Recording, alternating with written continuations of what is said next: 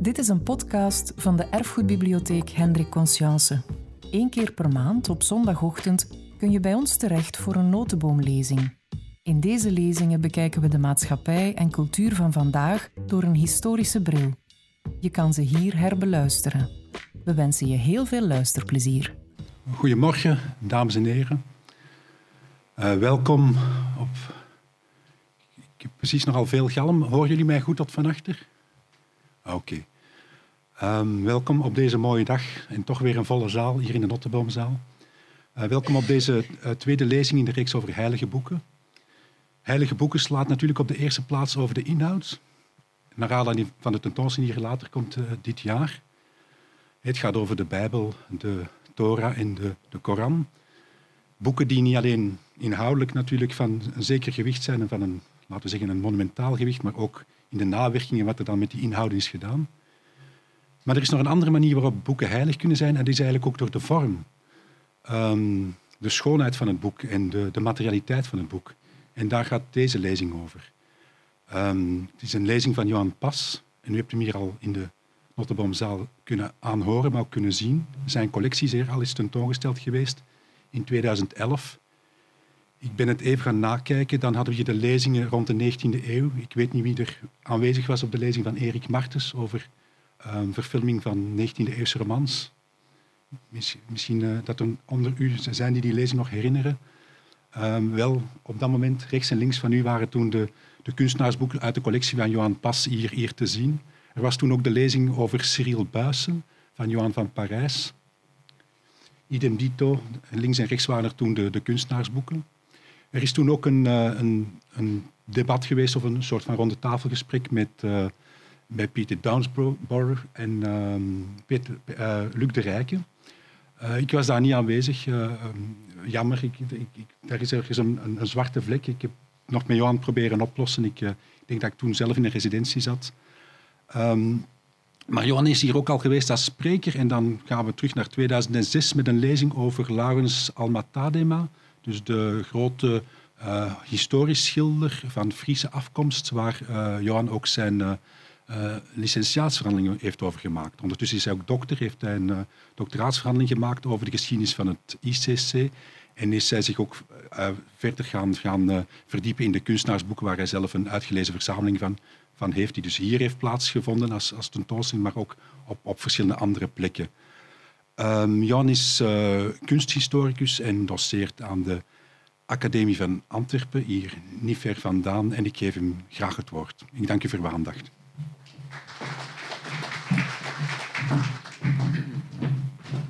Dankjewel Koen voor deze woorden. Um, goedemorgen allemaal. Het is opnieuw een, um, een eer en een genoegen om hier um, aanwezig te zijn in deze schitterende boekentempel. En ik uh, kan me bij Koen aansluiten uh, wanneer je met een, op een zonnige lentezondag er bewust voor kiest om niet buiten te gaan wandelen, maar in een donkere ruimte tussen oud papier te gaan zitten, luisteren naar iemand die praat over oud papier, ja, dan moet je echt wel een boekenliefhebber zijn. Dus ik zou zeggen, respect, ik, ik herken het gevoel. Um, vandaag zou ik graag praten over kunstenaarsboeken. En Koen heeft het al aangekondigd. Uh, een kunstenaarsboek is een boek dat eigenlijk um, zelf een, een kunstwerkstatuut kan hebben. Een boek dat door een kunstenaar gebruikt wordt als een artistiek medium. Dus geen boek over kunst, maar een boek als kunst. Zo kan je het eigenlijk samenvatten. En zo'n boek als kunst kan eh, heel uiteenlopende vormen aannemen, per definitie. En wat ik vandaag wil doen, is aan de hand van een, een aantal boeken uh, eigenlijk ten eerste de, de, de roots van het hedendaagse kunstenaarsboek uh, illustreren. Heel concreet, aan de hand van heel concrete voorwerpen. En ten tweede, aan de hand van die roots van het kunstenaarsboek doorlopen we eigenlijk ook de facto bijna het, het, parcours van de hedendaagse kunst van de laatste 30, 40 jaar. Dat is een beetje het idee. Dus eigenlijk zijn er twee verhalen die hier door elkaar lopen, twee bewegingen. De, de recente geschiedenis van het naoorlogse kunstenaarsboek en ten tweede hoe dat naoorlogse kunstenaarsboek de ontwikkelingen in de hedendaagse kunst na de Tweede Wereldoorlog weerspiegelt, reflecteert. Um, ik geloof dat een, een, boek een heel belangrijk medium is voor kunstenaars. Zeker vandaag de dag, nu het boek eigenlijk on its way out is. Het boek wordt door veel mensen doodverklaard uh, als communicatiemedium. Er zijn andere media die die rol overnemen. Op dat moment wordt het boek vandaag de dag eigenlijk net, denk ik, een artistiek medium. En dat is ook met andere media gebeurd. Toen uh, de fotografie opdook in de, de 19e eeuw, ja, toen konden schilders eigenlijk pas echt de moderne schilderkunst ontwikkelen, omdat ze zich konden losmaken van de representatie van de realiteit. De fotografie had die rol overgenomen, dus schilders konden modern worden. Hm? Zonder fotografie was er waarschijnlijk nooit abstracte schilderkunst geweest. Wel, ik, ik, voel dat er vandaag de dag met het boek iets gelijkaardig gebeurt. Het boek is van zijn uh, primaire taken verlost. Uh, de meeste informatie vinden we tegenwoordig online of in digitale vorm. Dat betekent dat het boek um, niet uh, aan het doodgaan is, maar eigenlijk dat de rol van het boek aan het veranderen is. En ik denk dat een artistieke rol een van de nieuwe betekenissen zal blijken te zijn van het boek voor de 21e eeuw. De titel van mijn lezing vandaag is Paper Events, het kunstenaarsboek als alternatieve ruimte. We gaan zien hoe het boek door kunstenaars als een plek, als een ruimte, als een omgeving wordt gebruikt. En um, die titel heb ik eigenlijk zelf gejat van een, een, het allereerste kunstenaarsboek dat ik ooit um, um, verworven heb. Dat is Paper Events van Marinus Boezem. Uh, Boezem is een, Nederlandse kunstenaar die in 1970 een boekje uitgeeft met de naam Paper Events, papieren gebeurtenissen. En dat boekje is uh, een blanco boek in een plastic mapje. En op dat plastic mapje staan een aantal aanwijzingen voor de lezer van het boek. De eerste bladzijde moet je uitknippen, de tweede bladzijde moet je uitscheuren, de derde bladzijde moet je in water ondompelen onderdompelen en te drogen hangen in je raam. De vierde bladzijde moet je verkreukelen. De vijfde bladzijde moet je perforeren. En uh, de eindopdracht is dat je de hele boel uh, verbrandt en dat je de assen in het, papieren, in het plastic zakje terug opbergt. Het idee eigenlijk van het boek als een gebeurtenis, als een performance, als een, actie, waarbij het lezen eigenlijk ook een soort transformatie van het boek veronderstelt. Uh, en paper events, papieren gebeurtenissen, vind ik eigenlijk sowieso een, een goede omschrijving van wat er met het boek eh, in kunstenaarshanden gebeurt. Het boek is meer dan alleen maar een passieve drager van informatie. Het boek wordt een soort gebeurtenis. Een, een actie, een ontploffing, een performance, uh, een artistieke uh, manifestatie. Daarom zullen de boeken die ik vandaag toon um, in mijn presentatie een beetje haak staan op de boeken die hier ons omringen. De boeken die hier staan zijn eigenlijk doorgaans passieve boeken die eigenlijk informatie bevatten. Hm? Op een perfecte manier, denk ik. De boeken die ik toon, die zijn zelf informatie, die doen iets met die informatie. Hm? Uh, daarom heb ik bewust wat gekozen voor boeken die een beetje iconoclastisch zijn, die het medium boek en het medium kunst in het algemeen ook in vraag stellen. En Boezem is er eigenlijk een heel goed voorbeeld van. Het grappige is dat er nog in dezelfde jaren 70 een, tweede boek verschijnt met de titel uh, Paper Events. Dat is Flux Paper Events van George Messeunis. Messeunis is de man die de Fluxusbeweging heeft opgericht begin jaren 60. En in 76 geeft Messeunis een boekje uit dat eigenlijk een beetje um, um, doet wat uh, Marinus Boezem deed met zijn paper events. Maar waar je bij Boezem zelf als lezer het boek moest transformeren, heeft Messeunis dat eigenlijk al voor u gedaan. Dus hij heeft bladzijden uitgescheurd, bladzijden verkreukt, hij heeft er vlekken in gemaakt in het boek, hij heeft bladzijden geperforeerd, hij heeft stukjes van het boek afgesneden, hij heeft pagina's aan elkaar gekleefd, pagina's aan elkaar geniet, zoals je rechts kan zien. Dus in het hele boek staat geen lettertekst, maar het hele boek is een soort papieren gebeurtenis, eigenlijk een sculptuur waarbij de kunstenaar het boek als materiaal heeft gebruikt. Um, kunstenaars boeken als medium, hè, als, als, als avant-garde medium, kennen hun hoogtepunt in de jaren 70. En dit is de, een catalogus van de allereerste tentoonstelling in Amerika, waar het kunstenaarsboek als medium volwaardig werd gerepresenteerd als artist books in eh, Philadelphia. En de eerste tentoonstelling in Europa waar het kunstenaarsboek opdook, was ook begin jaren 70, was Book as Artwork in Londen in 1972. Dus begin jaren 70 zie je hoe dat boek, waar al tien jaar kunstenaars toch wel serieus mee bezig waren, hoe dat boek eindelijk serieus wordt genomen en in tentoonstellingen en publicaties uh, een rol krijgt. Artist books, book as artwork. En dan zie je hoe in de jaren 70 eigenlijk uh, meer en meer tentoonstellingen uh, en publicaties het kunstenaarsboek als een volwaardig medium uh, weerspiegelen. Dit is een greep uit publicaties uit de jaren 70 over het kunstenaarsboek. Artist books, books by artist, kunstlerboeken, artwork en bookform, artist books works. Dus je ziet hoe art, book, work, die drie termen in de jaren 70 schering en inslag worden. Natuurlijk was dat niet nieuw. In de jaren 70 was er al een traditie. Uh, en dan moet je eigenlijk even gaan kijken naar de naoorlogse jaren. En dan zie je hoe iemand als René Magritte bijvoorbeeld, uh, net na de Tweede Wereldoorlog in 1948, een boek uitgeeft, Les Chants de Maldoror van Le Comte de Lautréamont. Een, een, classic voor de surrealisten, die door veel surrealisten geïllustreerd is. En uh, Magritte illustreert dat boek op een nogal kitscherig, nerveuze wijze, waarbij de illustraties eigenlijk volledig losstaan van de tekst en eigenlijk een eigen leven gaan leiden. De surrealisten besteden veel aandacht aan het boek, maar respecteerden het boek in zijn klassieke vorm. Uh, alleen zou je kunnen zeggen dat de illustraties die door Dali en Magritte en andere surrealisten bij uh, teksten worden geleverd, dat die een beetje haak staan op de klassieke rol van het illustreren. Is dit een artistboek? Ja en nee. Het is een bestaande tekst geïllustreerd door een hedendaagse kunstenaar. Wat de Fransen het livre d'artiste noemen of het livre de peintre. In hetzelfde jaar, 1948, zie je hoe um, de Cobra-beweging ontstaat. En in de Cobra-beweging zien we dan een tweede belangrijke impuls. Behalve de illustratie is er ook de collaboratie. Kunstenaars die gaan samenwerken aan een boek. En hier zien we een foto uit de jaren 50 met uh, Corneille links, de Nederlandse kunstenaar Corneille, en Hugo Claus rechts in beeld in Rome. En Corneille en Claus werken in die periode samen aan een boek. En dat is typisch voor de Cobra-beweging.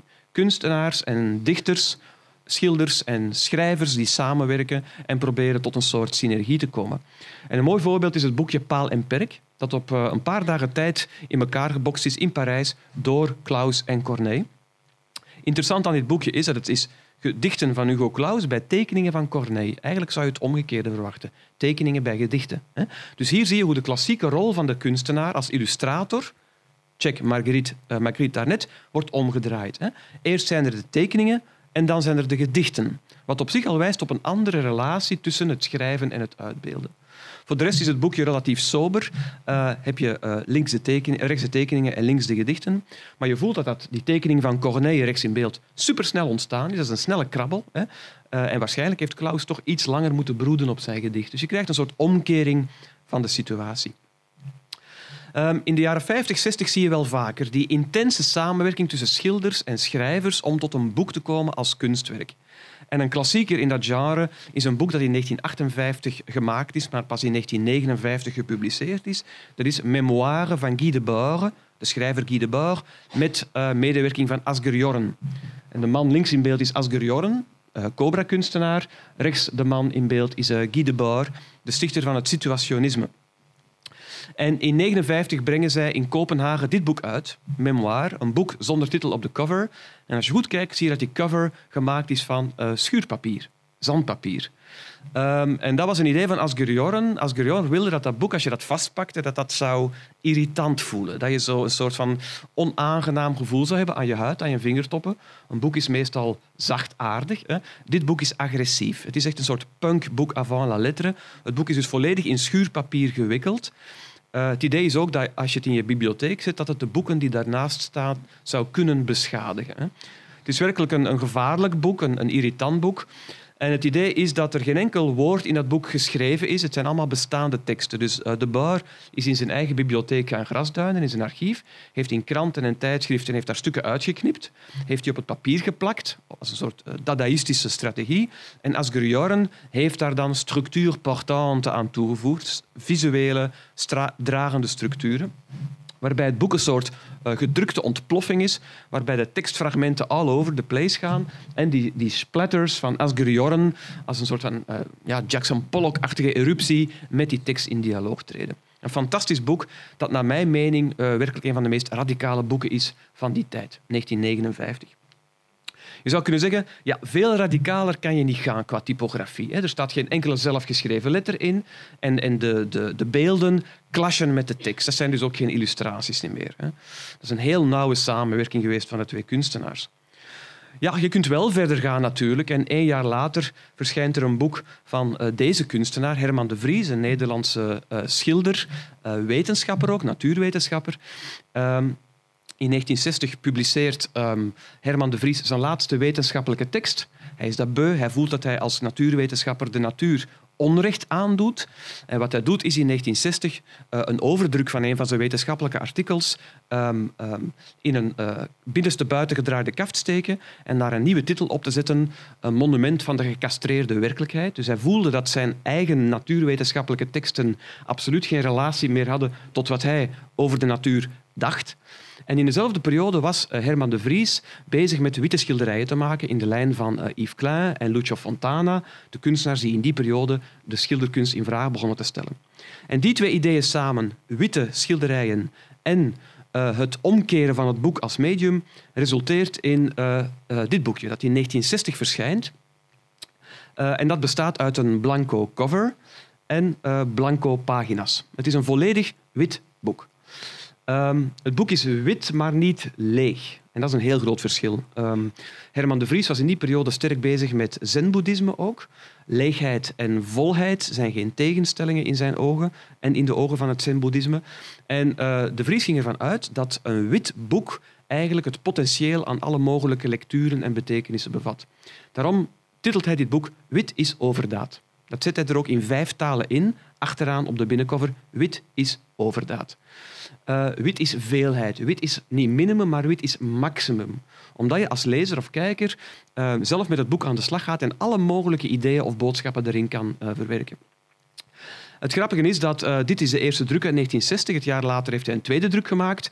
En in, uh, later in de jaren 60 verschijnen er andere versies van Wit is overdaad, die dikker zijn, groter zijn. Hè. Zelfs onlangs is er een reprint verschenen van een boek Wit uit 1980. Dus bestaan een aantal herdrukken, tussen aanhalingstekens, want er wordt niet veel gedrukt natuurlijk, hè, van het boek uh, Wit. Maar Herman de Vries doet hier wat John Cage in de jaren 50 deed met de muziek, namelijk de stilte als muziek proposeren. Hè. Of wat eh, Piero Manzoni deed in de schilderkunst, de acromen, het witte doek. Hè. Um, dus de stilte, de witheid, uh, hier zie je daar eigenlijk het boek-equivalent van.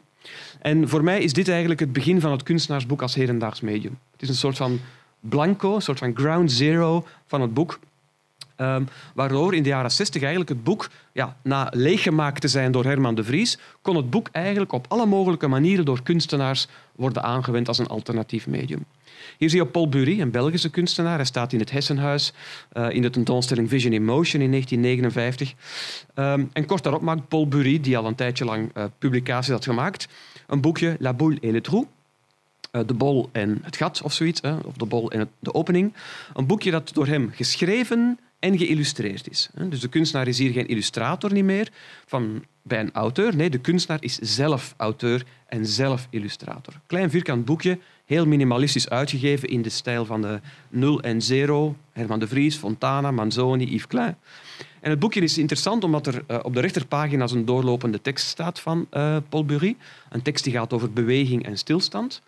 Um, en op de linkerpagina's, of twee althans, zie je hoe hij uh, perforaties aanbrengt of op een andere pagina blinddrukken aanbrengt. Dus ook hij gebruikt het boek niet meer als een passieve drager van informatie, maar hij gaat actief met dat boekmedium um, interageren. Het perforeren van de bladzijde. Fontana was in die periode bezig met het perforeren van het doek ook. Het doorbreken, letterlijk en figuurlijk, van uh, het medium. In de Vision in Motion tentoonstelling die in het Hessenhuis in 1959 was ook werk te zien van Daniel Spurri, een danser, uitgever, dichter ook. Um, Spurri maakte in die tijd uh, toevalscomposities waarbij hij stukken van een maaltijd vastplakte op een tafelblad en die dan in zijn galerie exposeerde. En in de context van een tentoonstelling in Parijs met die tableau piège publiceert Spurri in de plaats van een uitnodiging een klein boekje, Topographie anecdotée du hasard, uh, geannoteerde topografie van het toeval, dat is 1962. Uh, dat boekje werd verstuurd naar zijn vrienden en kennissen als uitnodiging. Um, en in dat boekje beschrijft uh, Spurry op een superdroge manier alle voorwerpen die zich op een bepaald moment op zijn werktafel in Parijs bevonden. Een uh, lege wijnfles, een uh, korst brood, een, een naald, een koffievlek, een krabbel, een stapeltje foto's, een dia, een naald enzovoort tientallen voorwerpen uit de grote werktafel blijkbaar. En hij beschrijft die heel minutieus als een archeoloog die bij wijze van spreken opgravingsvondsten beschrijft. Hè, op een bijna wetenschappelijke manier. Hij nummert die, hij beschrijft die, hij annoteert die ook, zoals een wetenschapper. Uh, zonder die voorwerpen te tonen. Hm? Dus je krijgt ze in woorden. Maar voor de lezer zit er achteraan een soort opgravingsplattegrond bij, uh, met uh, het werkblad en aangeduid waar alle voorwerpen zich bevinden. Dus dat is een soort van ja, anti tekst, bij wijze van spreken. Maar dit boekje, dat door veel mensen op wenkbrauwenfrons werd onthaald, werd een soort cultboek in het avant-garde milieu van de vroege jaren 60. Veel kunstenaars waren er gek op. Ze vonden het fantastisch dat er zoiets, ja, een soort absurde situatie. Hè. Je publiceert eigenlijk de rommel op je eigen werktafel, hè, waardoor is ze ook vereeuwigd geraakt. Hè. Ehm, een soort absurde archeologie van het alledaagse, uh, waardoor dit boek een aantal herdrukken kent en vertalingen ook. Het wordt in het Nederlands vertaald, het wordt in het Engels vertaald, het wordt in het Duits vertaald. En het grappige is dat bij elke vertaling zijn vrienden vertalers daar uh, teksten aan toevoegen. Notities, bibliografie, verwijzingen, illustraties van Topor bijvoorbeeld. Dus het is het meest het meest geherdrukte kunstenaarsboek van de jaren 60, denk ik. Hè. Maar eigenlijk gaat het terug op de toestand van een slordige tafel in een Parijs appartement um, anno 1960. Wat op zich, denk ik, een heel interessante, uh, absurde situatie is. Rond die tijd voel je ook hoe uh, andere kunstenaars het boek exploreren op een andere manier, namelijk als abstracte ruimte. Je hebt abstracte schilderijen, abstracte beeldhouwwerken. Uh, waarom ook geen abstracte boeken? En in Italië was Bruno Munari daar al in de jaren 40 mee aan het experimenteren. Munari was ook een grafische vormgever, hier zie je hem.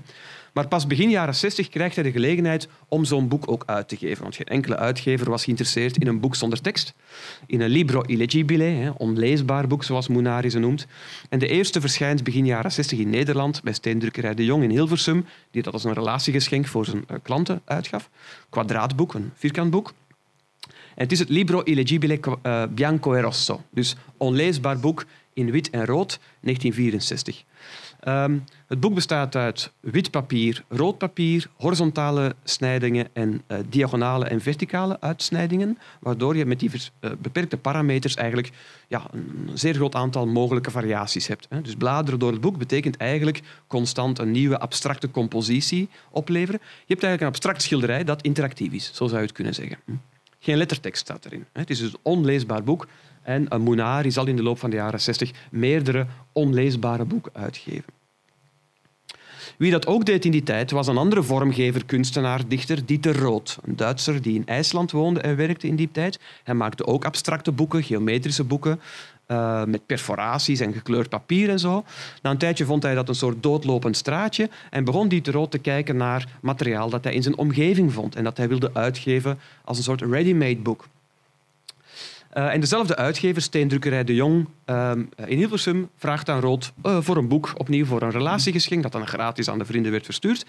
en dat werd dit boek, namelijk een kwadraatblad gevuld met um, opgeblazen fragmenten van krantenpagina's. Dus Rood had in kranten of uit kranten kleine stukjes uitgesneden, quasi toevallig, quasi random gekozen.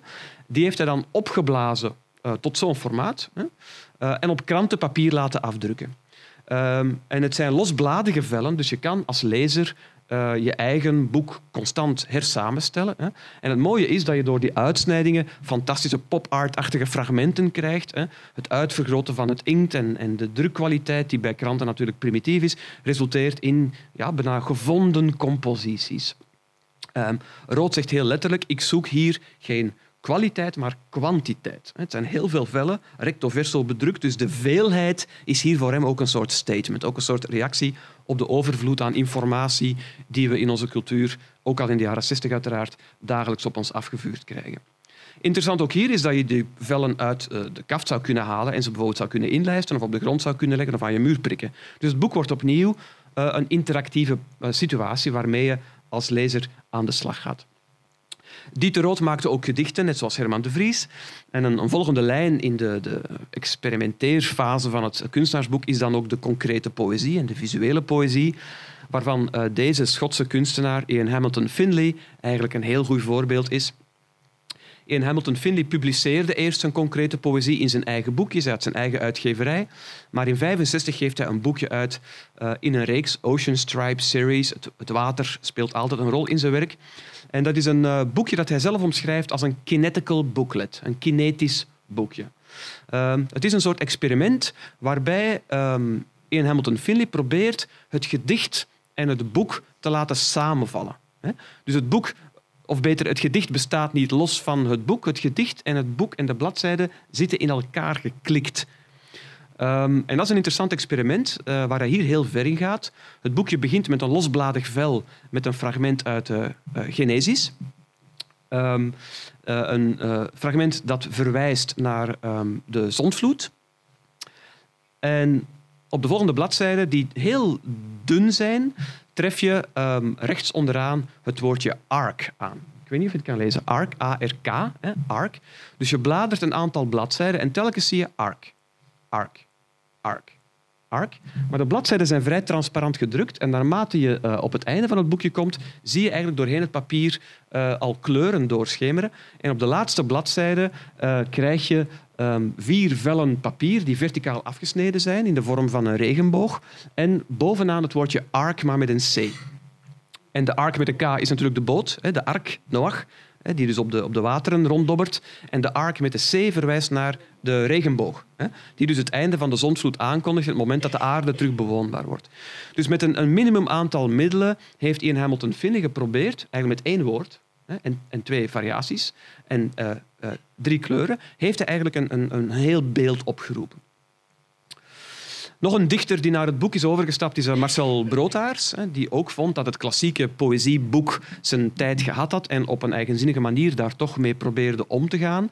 En in dezelfde periode als die waarin Hamilton Finlay zijn Kinetical Booklets maakt, um, uh, publiceert uh, Marcel Broodhaars zijn, laatste dichtbundel, Pense Bête, uh, dat hij in eigen beheer uitgaf, maar dat zoals de meeste boeken geen echt verkoopsucces was, zodat Marcel Broodhaars uh, begon te denken hoe hij dat boek kon pimpen, kon opvoeren, de, dat boek als het ware kon transformeren. En een eerste stap was dat hij in een aantal exemplaren de teksten van zijn gedichten gedeeltelijk uh, onleesbaar maakte door daar stukjes gekleurd papier op aan te brengen. Um, waardoor het boek in plaats van een textueel gegeven een visueel gegeven werd. Het was echt een periode waarin Broodtaars van het poëtische naar het plastische overkantelde en dus ook voor zichzelf had uitgemaakt dat hij in plaats van een derde rangs dichter liever een eerste rangs kunstenaar wilde worden. Wat ook gebeurd is eigenlijk. Hè. De pop art was op dat vlak uh, sterk aanwezig en Broodtaars liet zich wel een beetje daardoor uh, inspireren. Uh, dus een eerste stap was eigenlijk om, net zoals bij Munari, het boek onleesbaar te maken en dus plastisch, beelden te maken. Uiteindelijk heeft hij een deel van de resterende oplagen dan, dat is bekend, ehm, getransformeerd tot een sculptuur. Waarbij hij de onverkochte exemplaren ehm, in plaaster uh, stak, uh, aan een plastic bal gekleefd op een sokkel presenteerde. En dit was te zien op de eerste tentoonstelling in 1964, waarbij Broodhaars als beeldend kunstenaar naar buiten kwam en dus niet meer zich als dichter profileerde. Interessant is dus om te zien hoe um, het boek als kunstenaarsmedium vanuit diverse media wordt geëxploreerd. De schilderkunst, de poëzie, maar ook de muziek bijvoorbeeld. Begin jaren 60 had je in New York een hele golf van uh, alternatieve muziek, uh, beoefend door jonge kunstenaars die geïnspireerd waren door John Cage. John Cage die ook lessen had gegeven in experimentele compositie eind jaren 50 in New York. Uh, en die bekend was geworden met zijn 4.33, 4 minuten 33 seconden stilte. Waarbij dus de pianist uh, een lege partituur kreeg en de aanduiding om drie keer uh, het klavier van de piano open en dicht te doen, waarbij alle random geluiden van de omgeving eigenlijk deel werden van de opvoering. Heel wat jonge componisten waren daardoor gefascineerd en daaruit is eigenlijk de Fluxusbeweging ontstaan in New York. Samenwerking van dichters en muzici die zowel de dichtkunst als de muziek als een soort performance, als acties gingen zien. Een van die studenten van John Cage was George Brecht, een jonge componist, die hier een stuk van zichzelf opvoert, uh, violin piece, dus vioolstuk. En zijn violin piece bestaat uit een gedrukt kaartje waarop staat violin piece, George Brecht en dan polish, uh, uh, boon. boon hè? Dus de opdracht voor de muzikant is eigenlijk om de viool te, ja, te doen blinken in plaats van ze te bespelen. Um, en George Brecht experimenteerde in die tijd met dat soort partituren, kleine kaartjes die hij uitdeelde en aan vrienden gaf, waar dus kleine events, paper events, kleine events op genoteerd stonden. Um, in het begin waren die geïsoleerd tot zijn vriend George Messines hem uh, aanraadde om die te publiceren. Maar een klassiek boek was voor die kaartjes niet geschikt, dus men ontwierp een doosje, Waterjam, 1963, gelayout door George Messines, waar dus die paper events, die cards van George Brecht een plaats in kregen. Interessant is ook dat dit boek heruitgegeven is. Dus de eerste editie van 63 is compleet uh, onvindbaar. Dat is een museumstuk geworden. Maar bijvoorbeeld eind jaren 80 publiceerde uh, Le Beer Hosman in Brussel een nieuwe editie, aangevuld met nieuwe kaartjes. Want er kwamen steeds kaartjes bij. Hè. Dus ook hier krijg je die interactieve benadering van het uh, publicatiemedium. Het is geen boek in de klassieke zin van het woord, het is een doos, is een box. Hè. Maar als lezer kan je het ding wel gebruiken zoals je een boek zou kunnen gebruiken. Iemand die daar heel sterk mee bezig was in de vroege 60s in New York was uh, Yoko Ono. Yoko Ono, die ook sterk door uh, avant-garde muziek was geïnspireerd, uh, John Cage en, en, Stockhausen. Hier zie je Yoko Ono tijdens een performance, cut piece, waarbij Yoko Ono in een zwarte jurk op het podium plaatsneemt en de aanwezigen in het publiek de uitnodiging krijgen om de schaar die naast haar ligt te gebruiken en haar jurk aan stukken te knippen. En stukken als cut piece werden uh, iets later door Yoko Ono gepubliceerd in een boekje, dat een soort bundeling is van haar uh, pieces, van haar events. Dat is uh, Grapefruit, ook compleet zeldzaam en onvindbaar. Gelukkig werd er in de jaren 70 een nieuwe editie van gemaakt. Van Grapefruit aangevuld met nieuwe events, course. Works and Drawings by Yoko Ono, Introduction by John Lennon, want ze waren toen al een koppel. En de uitgever dacht waarschijnlijk van, ha, dat wordt een bestseller wanneer ik de naam John Lennon erop zet natuurlijk. Hè. Uh, en de grap is dat John Lennon het spel meespeelde, want zijn introduction bestaat gewoon uit één zinnetje in het begin van het boek. Hello, I'm John Lennon. I would like to introduce to you Yoko Ono. Einde van de zin. Hè. Dus, dus letterlijk een, een introduction zoals je op een party hebt. Hè. Um, en voor de rest bestaat um, Grapefruit uit um, dat soort kleine opdrachtjes voor de lezer. Beat piece bijvoorbeeld. Listen to a heartbeat. Pulse piece. Listen to each other's pulse by putting your ear on the other's stomach. Ze zijn ook telkens gedateerd. Hè? Winter, herfst 1963 bijvoorbeeld. Het moment waarop Yoko Ono dat werk geconcipieerd heeft. Hè. En interessant hier is dat je dat werk kan lezen. Je kan je dat werk voorstellen in je gedachten als je mee wil gaan, maar je kan het werk ook doen. Je kan het ook uitvoeren. En dat is interessant. Hè. Het statuut van het kunstwerk is hier heel ambigu. Waar is het werk? Eigenlijk de voorloper van de conceptuele kunst in die zin. Rond dezelfde tijd zie je hoe ook de pop art in Amerika natuurlijk grote uh, ogen begint te scoren. En uh, een pionier van het artistboek uh, in Amerika is Edward Rouchet, een popschilder die in die tijd schilderijen maakte van benzinestations, die hij op een hele coole manier schilderde. En daarvoor maakte hij foto's van benzinestations. Tot hij op het idee kwam dat die foto's van die benzinestations misschien eigenlijk wel minstens even interessant waren als de schilderijen zelf.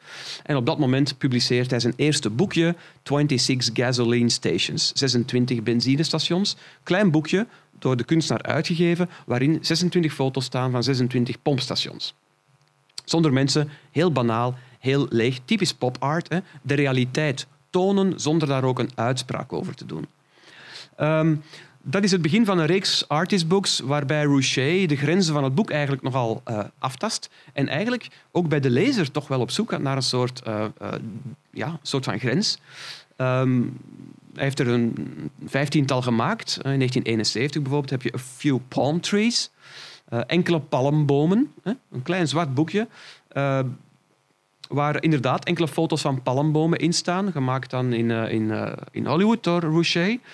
Um, en het zijn ook maar enkele palmbomen, want als je in de helft van het boek zit, dan houden de palmbomen op en krijg je lege bladzijden. Dus het idee is eigenlijk dat je natuurlijk ja, in principe oneindig veel palmbomen zou kunnen fotograferen. Nog een uh, pope van de pop is natuurlijk Andy Warhol, die hier ziet in 1967 tijdens de presentatie van een van zijn belangrijkste boeken, uh, namelijk dit. Andy Warhol's Index boek, gepubliceerd in 1967 door een grote New Yorkse publisher, Random House, die wilde meesurfen op de bekendheid van Andy Warhol. En Andy Warhol vroeg van, ja, maak eens een boek. Hè? Um, Andy Warhol wilde eerst een boek maken over al zijn films, waarvan een aantal aangebrande titels bekend waren. De uitgever zei, nee, we willen geen filmboek, we willen een echt boek. En dat werd dan dit. Samen met Billy Name heeft Warhol dus een, een boek gemaakt dat een, een typische Warhol-touch heeft. Het is een, uh, een, ja, een boek dat eigenlijk gaat over de factory, de werkplaats die Andy Warhol had. En waar hij met kunstenaars en muzikanten samenwerkte. Waar hij met de Velvet Underground projecten deed. Um, en je zou um, indexboek van Warhol kunnen zien als een soort van pop-art uh, kinderboek maar wel een kinderboek met een soort donker kantje aan. Hè. Um, het is helemaal geen vrolijk boek. Uh, het bestaat uitsluitend uit zwart-wit foto's uh, van scènes in de, in factory. Hier en daar aangevuld met uh, typische pop-art-achtige inserts en toevoegingen, zoals hier een, een, een soepblikje dat opspringt. Of hier een, een, een, een, plaatje dat je eruit kan halen en op de platendraaier kan leggen. Uh, je ziet uh, uh, dingen, Lou Reed natuurlijk, hè, op, de, op, de, op de plaat afgedrukt. En als je dat plaatje dan afspeelt, dan hoor je Lou Reed en Nico van de Velvet Underground discussiëren terwijl ze een dummy van hetzelfde boek vast hebben. En waarin ze dus eigenlijk zich verwonderen over het feit dat ze binnenkort te horen zullen zijn in het boek. Rond dezelfde tijd breekt uh, in New York de conceptuele kunst door. Uh, conceptuele kunst is kunst die zich louter tot een idee beperkt en die stelt kunst is een idee en de uitwerking is eigenlijk een bijkomstige zaak. Uh, echte kunst moet vooral ideeën communiceren en dat kan via woorden, dat kan via statements, dat kan via documenten. Um, en het boek wordt dus voor deze conceptuele kunstenaars werkelijk een heel belangrijk medium. Dit zijn vier kunstenaars die door de galerist en de uitgever Seth Siegelaup werden gerepresenteerd vanaf 1968-69. Dat zijn Robert Barry, Douglas Hubler, van links naar rechts Joseph Kossut en Lawrence Wiener. En die vier kunstenaars bedienen zich eigenlijk in de jaren 60, 70 bijna allemaal van kurkdroge, heel minimalistische boekjes die meestal uitsluitend tekst bevatten. Dus in 68 publiceert Siegelaup uh, het eerste kunstenaarsboek van Lawrence Wiener, Statements. 1,95 dollar kostte het toen. Het idee was dus werkelijk om uh, een tentoonstelling te maken in boekvorm, in een grote oplaag, duizend exemplaren, waarbij de, de, bezitter eigenlijk een tentoonstelling in bezit kreeg. En typisch voor het vroege werk van Wiener is dat hij een sculpturale situatie beschrijft, die door de lezer uitgevoerd kan worden of niet, maar die eigenlijk als tekst gecommuniceerd wordt. In dit geval, uh, a removal of an amount of earth from the ground, the intrusion in this hole of a standard processed material. Dus je verwijdert een hoeveelheid aarde uit de grond en in die opening uh, breng je een hoeveelheid standaard materiaal aan dat je in de winkel kan kopen. Dat is de opdracht. Hè? Het is een sculptuur, een sculptuur, een conceptuele sculptuur. En Wiener zegt zelf, uh, als eigenaar van dit werk kan je het gewoon zo laten, maar je kan het ook laten uitvoeren door de kunstenaar of door iemand anders. Dus voor deze kunstenaars is het boek inderdaad een interessant medium, omdat zij hun werken en hun ideeën in grote mate textueel communiceren. Uh, links een boekje van Robert Barry, It Is, It Isn't. In het midden een boek van Kossuth, Function. En rechts een boekje van Hubler, Secrets. It Is, It Isn't van Barry uit 1972 is een boekje dat uitsluitend bestaat uit adjectieven. Het eerste deel van het boek zegt it is en dan krijg je een dertigtal woorden. En in het midden van het boekje lees je it isn't en dan krijg je opnieuw dertig woorden. Maar op het einde van de lectuur weet je nog steeds niet waar, eigenlijk, waar het boek eigenlijk over gaat. Dus het, het echte idee blijft buitenspel terwijl je toch een volledig boek in handen hebt dat aan één iets gewijd is.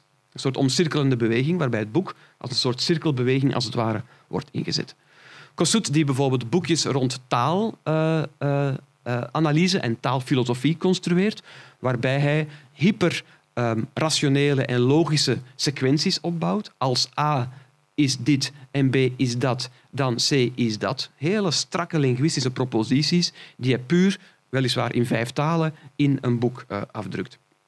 En de grappigste uh, uit dit aanbod is het boekje Secrets van uh, Douglas Hubler, die op een tentoonstelling in de MoMA in 1970 aan de bezoekers vroeg om een geheim in een brievenbus te steken, hè, anoniem.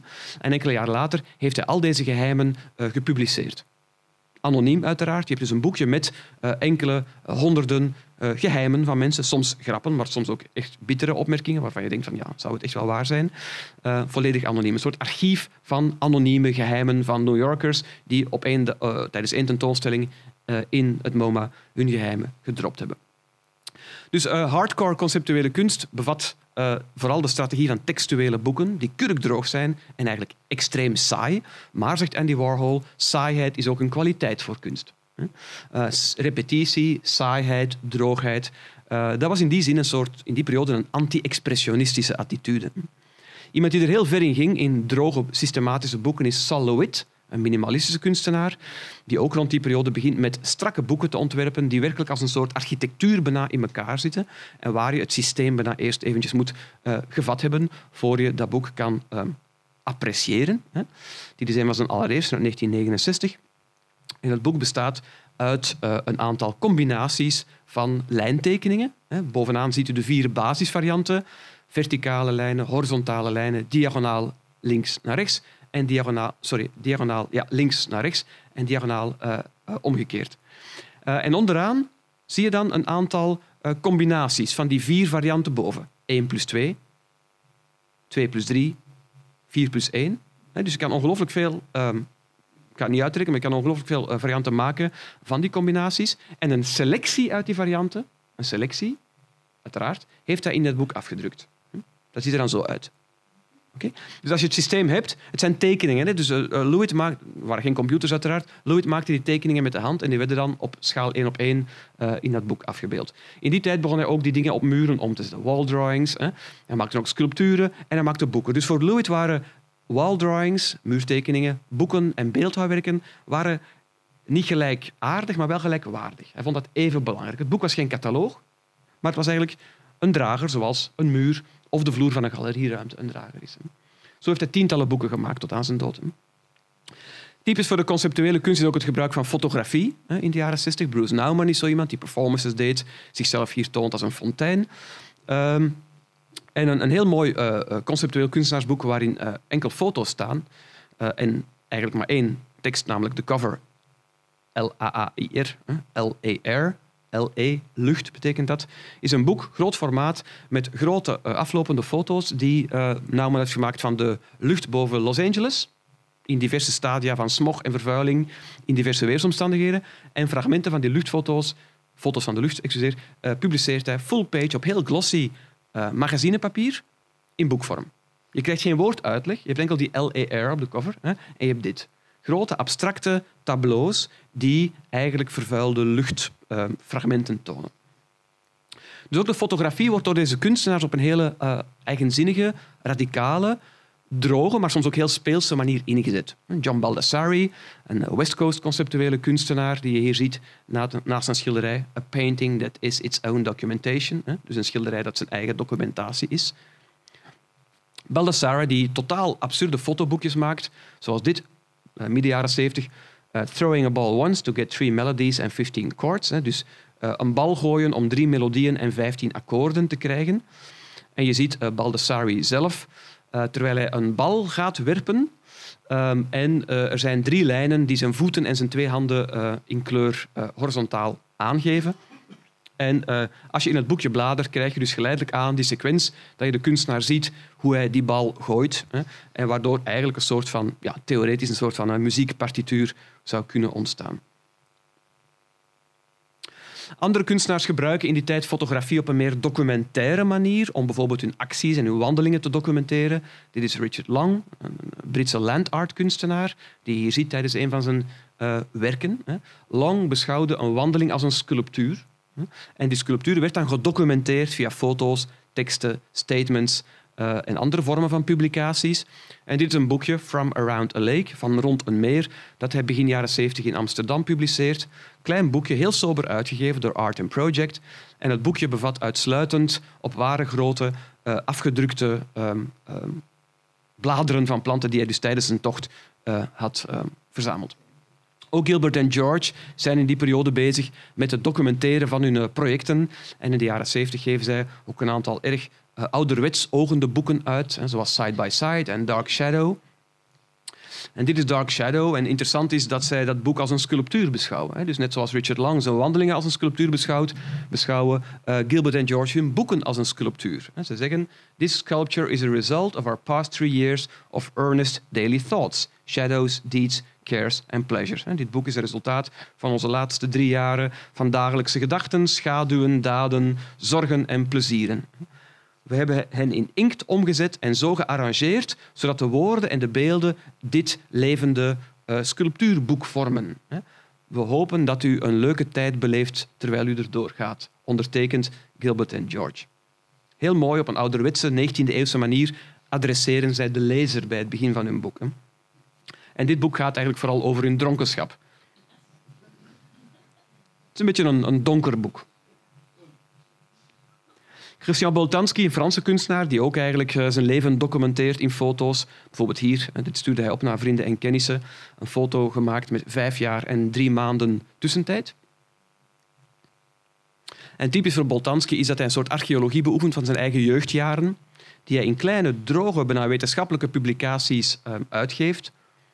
Zoals in dit geval reconstructies van gebeurtenissen tijdens zijn kinderjaren. Hier zie je hem hoe hij de trapleuning afglijdt. Eh, dat heeft hij ooit gedaan als kind eh, op 6 juli 1951. En als volwassene, eind jaren 60, ehm, voert hij die gebeurtenis terug uit. Als een soort van reenactment, een soort reconstructie. Net zoals archeologen of wetenschappers soms ook bepaalde historische gebeurtenissen terug opvoeren om ze te evokeren. Een soort persoonlijke uh, archeologie. Iemand die er heel ver in ging was Stanley Brown, een Nederlandse kunstenaar, die zijn wandelingen en zijn tochten en zijn uh, uh, verplaatsingen documenteerde in hele droge boekjes, zoals dit boekje One Step 100 Times. En dit boekje bestaat dus uit 100 bladzijden met op elke bladzijde één stap. One time, two times, three times, four times, honderd keer. Je krijgt dus een wandeling, een verplaatsing. Dus je voelt hoe Stanley Brown eigenlijk een, een honderd stappen wat eigenlijk een ruimtelijke afstand is, maar ook een gebeurtenis is. Hè, hoe hij die verplaatsing vertaalt eigenlijk, daar komt het op neer, naar de vorm van het boek.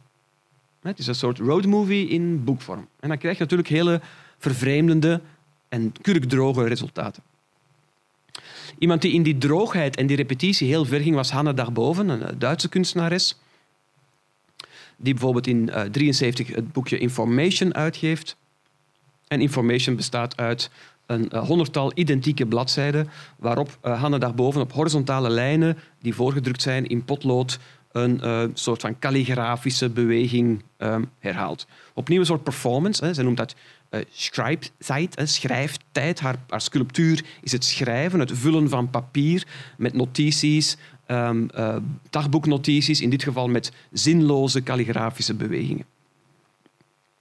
Toch voel je dat op het einde van de 70s uh, die droge conceptuele kunst wat um, uh, tegengas nodig heeft. En hier zie je Penk, een uh, nogal tegendraadse schilder, die eind jaren 70 een boek uitgeeft met de titel Zachte theorie over aars, assen en vegetatie. Het is een dik boek gedrukt op krantenpapier, waarin Penk op een vrij ja, punkachtige manier speelt met woorden, uh, diagrammen, symbolen, um, grafische notities en een soort van pseudowetenschap toepast die compleet absurd is, maar waar je wel herkenbare termen en begrippen uit de sociologie, de politiek, de linguïstiek, de semantiek enzovoort krijgt, uh, maar dan in totaal um, uh, tegendraadse verbanden waar kop nog staart aan te krijgen is. En het resultaat is een soort van ja, theoretisch schetsboek hè, waar de kunstenaar zijn ideeën op een zachte manier, het is hè, zanfte theorie zegt hij, het is een zachte theorie, dus geen harde wetenschappelijke theorie.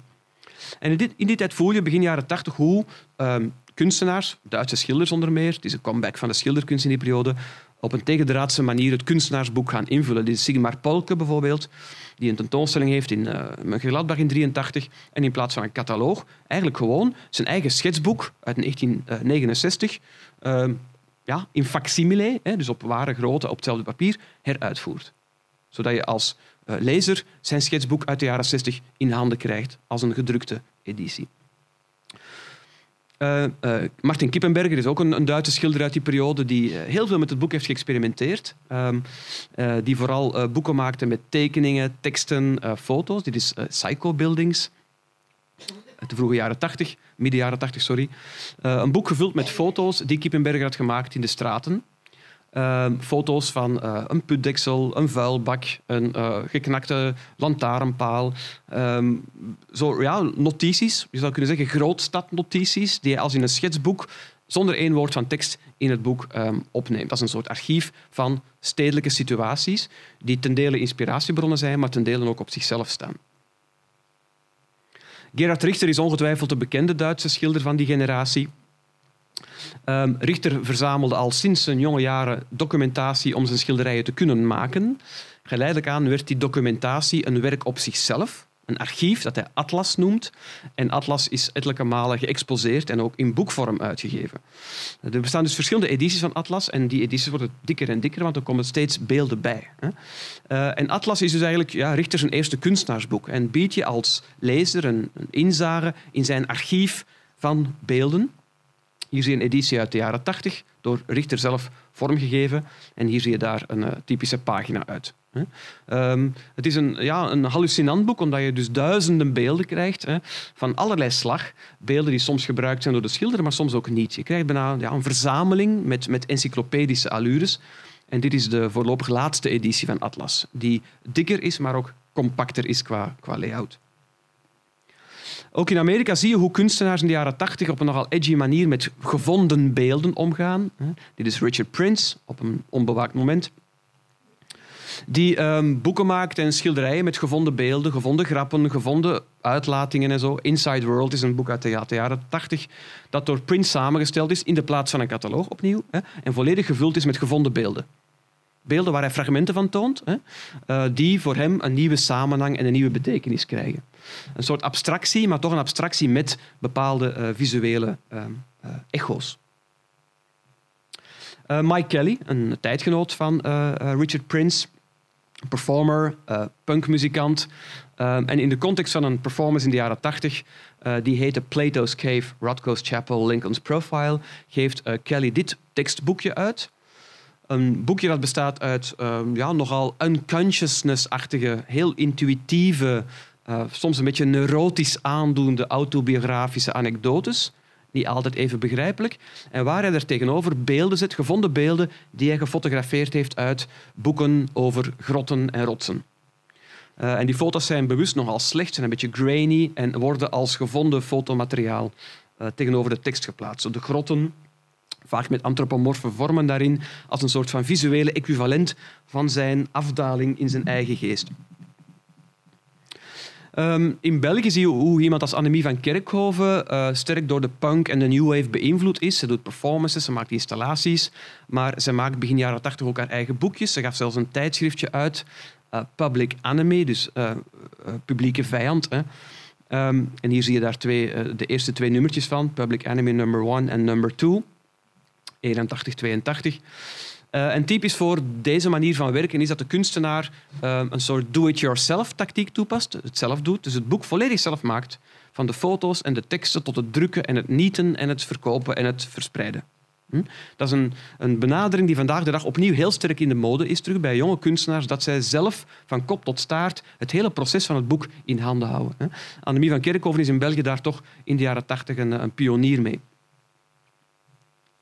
In Frankrijk heb je Sophie Calle, die ook in de jaren 80, uh, eind jaren 70, begin jaren 80 naar buiten komt met eigenzinnige projecten die zij in boeken documenteert. In 1979 um, ehm, doet zij Les Dormeurs, waarbij zij mensen uitnodigt om in haar bed te komen slapen, uh, op voorwaarde dat ze hen eh, s'nachts mag fotograferen en hen s'morgens bij de ontbijttafel mag interviewen. En die interviews en die foto's heeft zij gebundeld in een, een dubbel boekje dat pas ja, jaren later uitgekomen is. Dus eigenlijk een boek als een archief van een gebeurtenis, hè, waarbij een, een, tijdelijk evenement wordt ingekapseld en een, een meer permanente basis krijgt. Hans-Peter Feldman is een, Duitse kunstenaar die op een gelijkaardige manier verzamelt. Hier zie je hem terwijl hij de fotograaf aan het fotograferen is. Feldman maakt in de jaren 90 een boekje dat heet Portret. En dat boek bestaat eigenlijk uit de volledige reproductie van een gevonden fotoalbum. Dus hij had een fotoalbum gevonden van een vrouw van wie we de naam niet kennen. En dat alle foto's van dat fotoalbum, feesten, uh, uitstapjes, picknicks, gebeurtenissen, banale en minder banale dingen, heeft hij gewoon afgedrukt in een boek.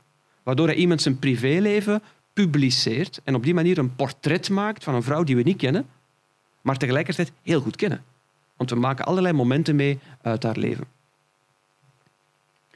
Ondertussen zie je ook hoe in de jaren 80, 90 het stripverhaal een nieuwe wending begint te krijgen, onder meer in Amerika met underground comics. Er ontstaat een nieuw genre in het stripverhaal, de graphic novel. Charles Burns is daarvan een goed voorbeeld. En die graphic novels zijn eigenlijk een soort crossovers tussen underground, strips en uh, het kunstenaarsboek. En het belangrijkste boek van Charles Burns, dat kan je in de stripwinkel om de hoek kopen, is Black Hole. Een soort science fiction-achtige horror teenage love story mutant situatie die in afleveringen verschenen is in de jaren 90. Die afleveringen waren gebaseerd op de, de Griezel comics en de science fiction comics die Charles Burns tijdens zijn jonge jaren las. Het is daar een soort ja, hedendaagse adaptatie van. Typisch voor Burns is een hele sterke grafische stijl met heel veel verwijzingen naar trash, pulp, horror, science fiction, maar op een heel hoog niveau. Um, en hier zie je dan uh, een, een, dubbele pagina uit uh, Black Hole. Het gaat over tieners in een New Yorkse stad die aangetast worden door een seksueel overdraagbare ziekte, waardoor ze beginnen te muteren. En ze dus in isolement moeten gaan leven. Um, en die crossovers tussen populaire cultuur, trash, pulp, performance zie je ook bij een aantal jonge kunstenaars van de laatste jaren, zoals uh, Vaast Colson, een jonge Belgische kunstenaar, die heel veel kunstenaarsboeken maakt. En dit is zijn allereerste boekje, Kill, uit 2001. Een boekje dat hij nog maakte toen hij pas afgestudeerd was. Uh, een soort ja, schetsachtig uh, collage, zou je kunnen zeggen, van tekeningen, ideeën, foto's, gevonden materiaal, nieuw materiaal, maar met veel verwijzingen naar skatecultuur, punk, underground, um, en, en, populaire cultuur. Dus de kunstenaars die ik vandaag getoond heb, zijn allemaal kunstenaars voor wie het boek een belangrijke rol speelt. Hè. Dus toont telkens één boek van die mensen, maar ze hebben eigenlijk een, een, een oeuvre opgebouwd hè, als kunstenaars. Nog een jonge kunstenaar die het heel goed doet, is de Duitser Jonathan Meese. Die beelden maakt, schilderijen maakt in een wilde Fred Bervoets-achtige neo-expressionistische stijl. Maar hij doet ook performances, heel, heel provocerende performances, waarin hij uh, nazistische slogans en houdingen en retorieken uh, parafraseert. Ik heb er zelf een van hem gezien in de Burla hier uh, twee jaar geleden. Um, en Meese geeft ook boeken uit die heel provocerend zijn, um, um, zoals Dictatuur der Kunst, het meest radicaalste boek ooit, zegt uh, Jonathan Meesen, in een layout die ook nogal fascistoïde of nazistisch overkomt, hè, door die, ja, die typografie en die kleurenstellingen en zo. En in Dictatuur der Kunst zie je Jonathan Meese uh, zijn teksten en zijn slogans en zijn beeldmateriaal, waarin hij de kunst voorstelt als een totale vorm van dictatuur. Kunst is geen democratie, stelt Meese. Kunst is totale dictatuur. We moeten ons onderwerpen aan de kunst en de kunst erkennen als een uh, totale uh, dictatoriale macht die de samenleving een nieuwe richting kan uitvoeren. Dus hij parodieert het fascisme en het nazisme, maar hij parodieert ook Joseph Beuys, die in de jaren 70 kunst als een soort bevrijdingsbeweging, als een politieke motor trachtte te, in te schakelen. Uh, in die zin is het werk van Jonathan Meese best wel edgy. Het is heel moeilijk, vind ik, om zijn positie te pakken te krijgen. Hij irriteert ook veel mensen. Ja, let op die Hitlergroet die hij uitbrengt in zijn performances. Iets dat voor uiteraard veel mensen uh, in Duitsland en daarbuiten uiteraard nog erg, uh, erg gevoelig ligt. Typisch is dat veel kunstenaars die performances doen de laatste jaren, dit is John Bok, ook boeken maken waarin die performances en die films en die acties een eigen gestalte krijgen. Hier zie je van John Buck uh, het boek Palms. En interessant is dat Palms een film is van John Buck. Hij heeft dus een film gemaakt, een beetje underground allures heeft. Uh, van die film heeft hij een posterpublicatie gemaakt met filmfoto's en stukken van het scenario. Maar hij wilde dat niet gewoon uitgeven. Hij vond het veel interessanter om die filmposter uh, als het ware als een parasiet in bestaande boeken in te schuiven. Dus alle exemplaren van die poster zijn door uh, John Bock in een bestaand boek van een afgedankt bibliotheekexemplaar uh, van een, een universiteitsboekerij uh, opgenomen. En daar is dan met spray, hè, met een, een, een, mal en een spray, de titel op aangebracht. Dus elk exemplaar is eigenlijk anders, daar komt het een beetje op neer. En als je dan het boek open doet, dan zie je dat er een katern uitgescheurd is. Hè, en in de plaats daarvan heb je dan die filmposter van John Bock. Dat is een boek dat zich camoufleert. Hè. Als je dat in je bibliotheek zet, ja, dan krijg je eigenlijk een uh, Jahresabschlussanalyse. Hè. Dus jaarverslag en jaarverslaganalyse. Heel interessant, denk ik, dit boek. Hè. 20e en 19e uh, oplage al. Um, dus dan krijg je dat in je bibliotheek. Hè. Uiteraard, deze kunstenaar heeft dat werk naar zijn handen gezet. Heeft, daar iets, heeft dat ge, ge, gekaapt, als het ware, zou je kunnen zeggen. Hè. Gekraakt. Um, typisch voor kunstenaars van die generatie is eigenlijk ook dat ze... Um, um, uh, zich gaan terugplooien op de geschiedenis van het kunstenaarsboek. Dit is Jonathan Monk. En uh, enkele jaren terug geeft Jonathan Monk cover version uit, een kunstenaarsboek. Dat volledig bestaat uit foto's van kunstenaarsboeken die Jonathan Monk zelf verzameld heeft. Dus daar straks zagen we statements van Lawrence Wiener. Wel, Jonathan Monk zelf is een grote bewonderaar van Wiener en Rocher en Lewitt, al die classics van het hedendaagse kunstenaarsboek. En hij heeft dus een kunstenaarsboek gemaakt Net zoals een DJ een nieuw nummer maakt door oude nummers te monteren en te samplen, hè, heeft Monk een nieuw kunstenaarsboek gemaakt door bestaande kunstenaarsboeken die tot de kanon van het genre zijn gaan behoren, hè, uh, in een boek te steken. Hè, uh, en daar op het einde een interview aan toe te voegen met Seth Siegelhaupt, de man die in de jaren 60, 70 dat soort boeken uitgaf in uh, New York. En dat zie je wel vaker, dat um, kunstenaarsboekenmakers de laatste jaren gaan terugplooien op de geschiedenis van het kunstenaarsboek, waar we vandaag een proef van hebben gehad. Hè. En eigenlijk gaan parodieën maken, persiflages, uh, zelfs complete uh, bootlegs. Hè, zoals Eric Duringer, hier zie je hem, die hier poseert met bootleg schilderijen van Damien Hirst. Hè. Dus wat hij doet is vervalsingen maken van populaire hedendaagse kunst en die vervalsingen uh, verkopen. Op straat bijvoorbeeld, hè, of in galerieën. Hier dus met dot paintings van Damien Hirst en ook in zijn boekuitgaven uh, is Eric Duringer een copycat. Hè? Dus hij fotocopieert gewoon bekende kunstenaarsboeken en die verkoopt hij als zijn eigen boeken. Een bootleg, hè? een soort illegale tactiek. Dus hier heb je Eric Duringer, de Xerox-boek. Dat is een, uh, een fotocopie-exemplaar van de Xerox-boek uit 1968. Dat is een boek van Seth Siegelhaupt, waarvoor Seth Siegelhaupt in 1968 uh, uh, een, zeven minimalistische of conceptuele kunstenaars had uitgenodigd om 25 bladzijden te leveren. Hè. Dat is een klassieker in het genre. Hè. Uh, wel, wat heeft Duringer gedaan? Hij heeft gewoon dat boek genomen, dat gefotocopieerd hè, en die fotocopie um, aangeboden als zijn eigen geappropieerde boek. En het grappige is dat hij de Xerox-boek nu een nieuwe titel geeft, de Xeroxed boek. Het is het gefotocopieerde boek. Hij heeft er een paar dingen aan veranderd. Hij heeft de editie gewijzigd, augustus 2010. Hè, en eronder staat Copycat Publications. Wat dus zijn eigen uh, uitgeverij is. Hè. Um, we naderen onze laatste slides voor vandaag. Uh, ik wil de cirkel ook sluiten en dat doe ik bijvoorbeeld met dit boek. Uh, of beter deze kunstenaar, uh, Renaud Desjardins, een, een, kunstenaar die in Londen woont en werkt. En Desjardins kwam twee jaar geleden naar buiten met dit boek. De boek On Books, On Artist Books. De kunstenaar had er dus niets beter op gevonden dan boeken over kunstenaarsboeken te verzamelen. Hè? Boeken over kunstenaarsboeken. Um, uh, die te documenteren in zijn boek. En dat boek als kunstenaarsboek uit te brengen. Het is dus een kunstenaarsboek dat bestaat uit beelden, uit boeken over kunstenaarsboeken. Uh, en daardoor werkt dit boek heel fijn op diverse niveaus. Als je dit koopt, heb je een kunstenaarsboek, maar tegelijkertijd heb je een ongelooflijk rijk naslagwerk over.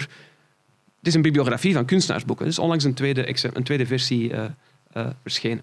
Dat doet me trouwens aan denken dat, uh, ik hoop dat in de tweede versie mijn uh, boek van multiple readings ook staat. Ik heb het hem toegestuurd trouwens, om in de tweede editie opgenomen te worden.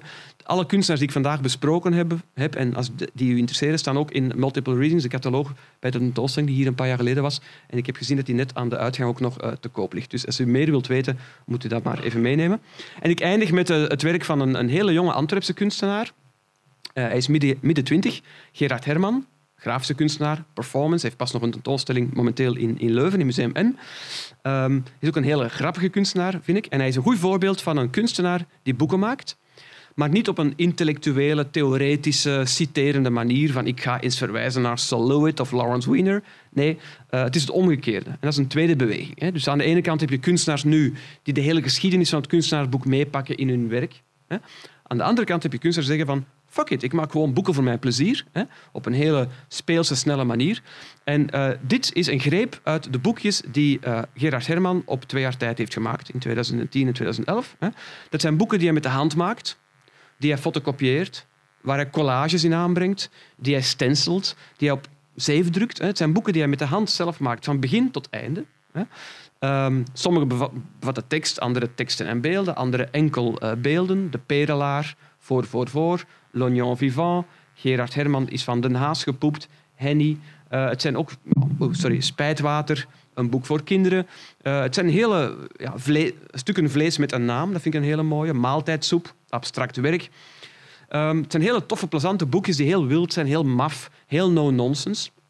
Vaak op 20 exemplaren of 30 exemplaren of 10 exemplaren. Er ligt er eentje bij dat hij volledig de hele oplage met Bic heeft getekend. Dus elk exemplaar, dus volledig van kop tot staart. Um, en um, onlangs uh, verkreeg ik dit boekje van hem, Gedane Zaken, uit 2010. Uh, en het gemaakt op één exemplaar, by the way, één exemplaar. Um, en ik vind het nogal interessant om met dit boekje ons verhaal voor vandaag af te sluiten. Want het boekje Gedane Zaken bestaat bij nader inzien uit uh, blanco pagina's. Hè, en het verschijnt dus exact uh, 50 jaar nadat Herman de Vries zijn boekje Wit is overdaad gemaakt heeft. Dank u voor uw aandacht.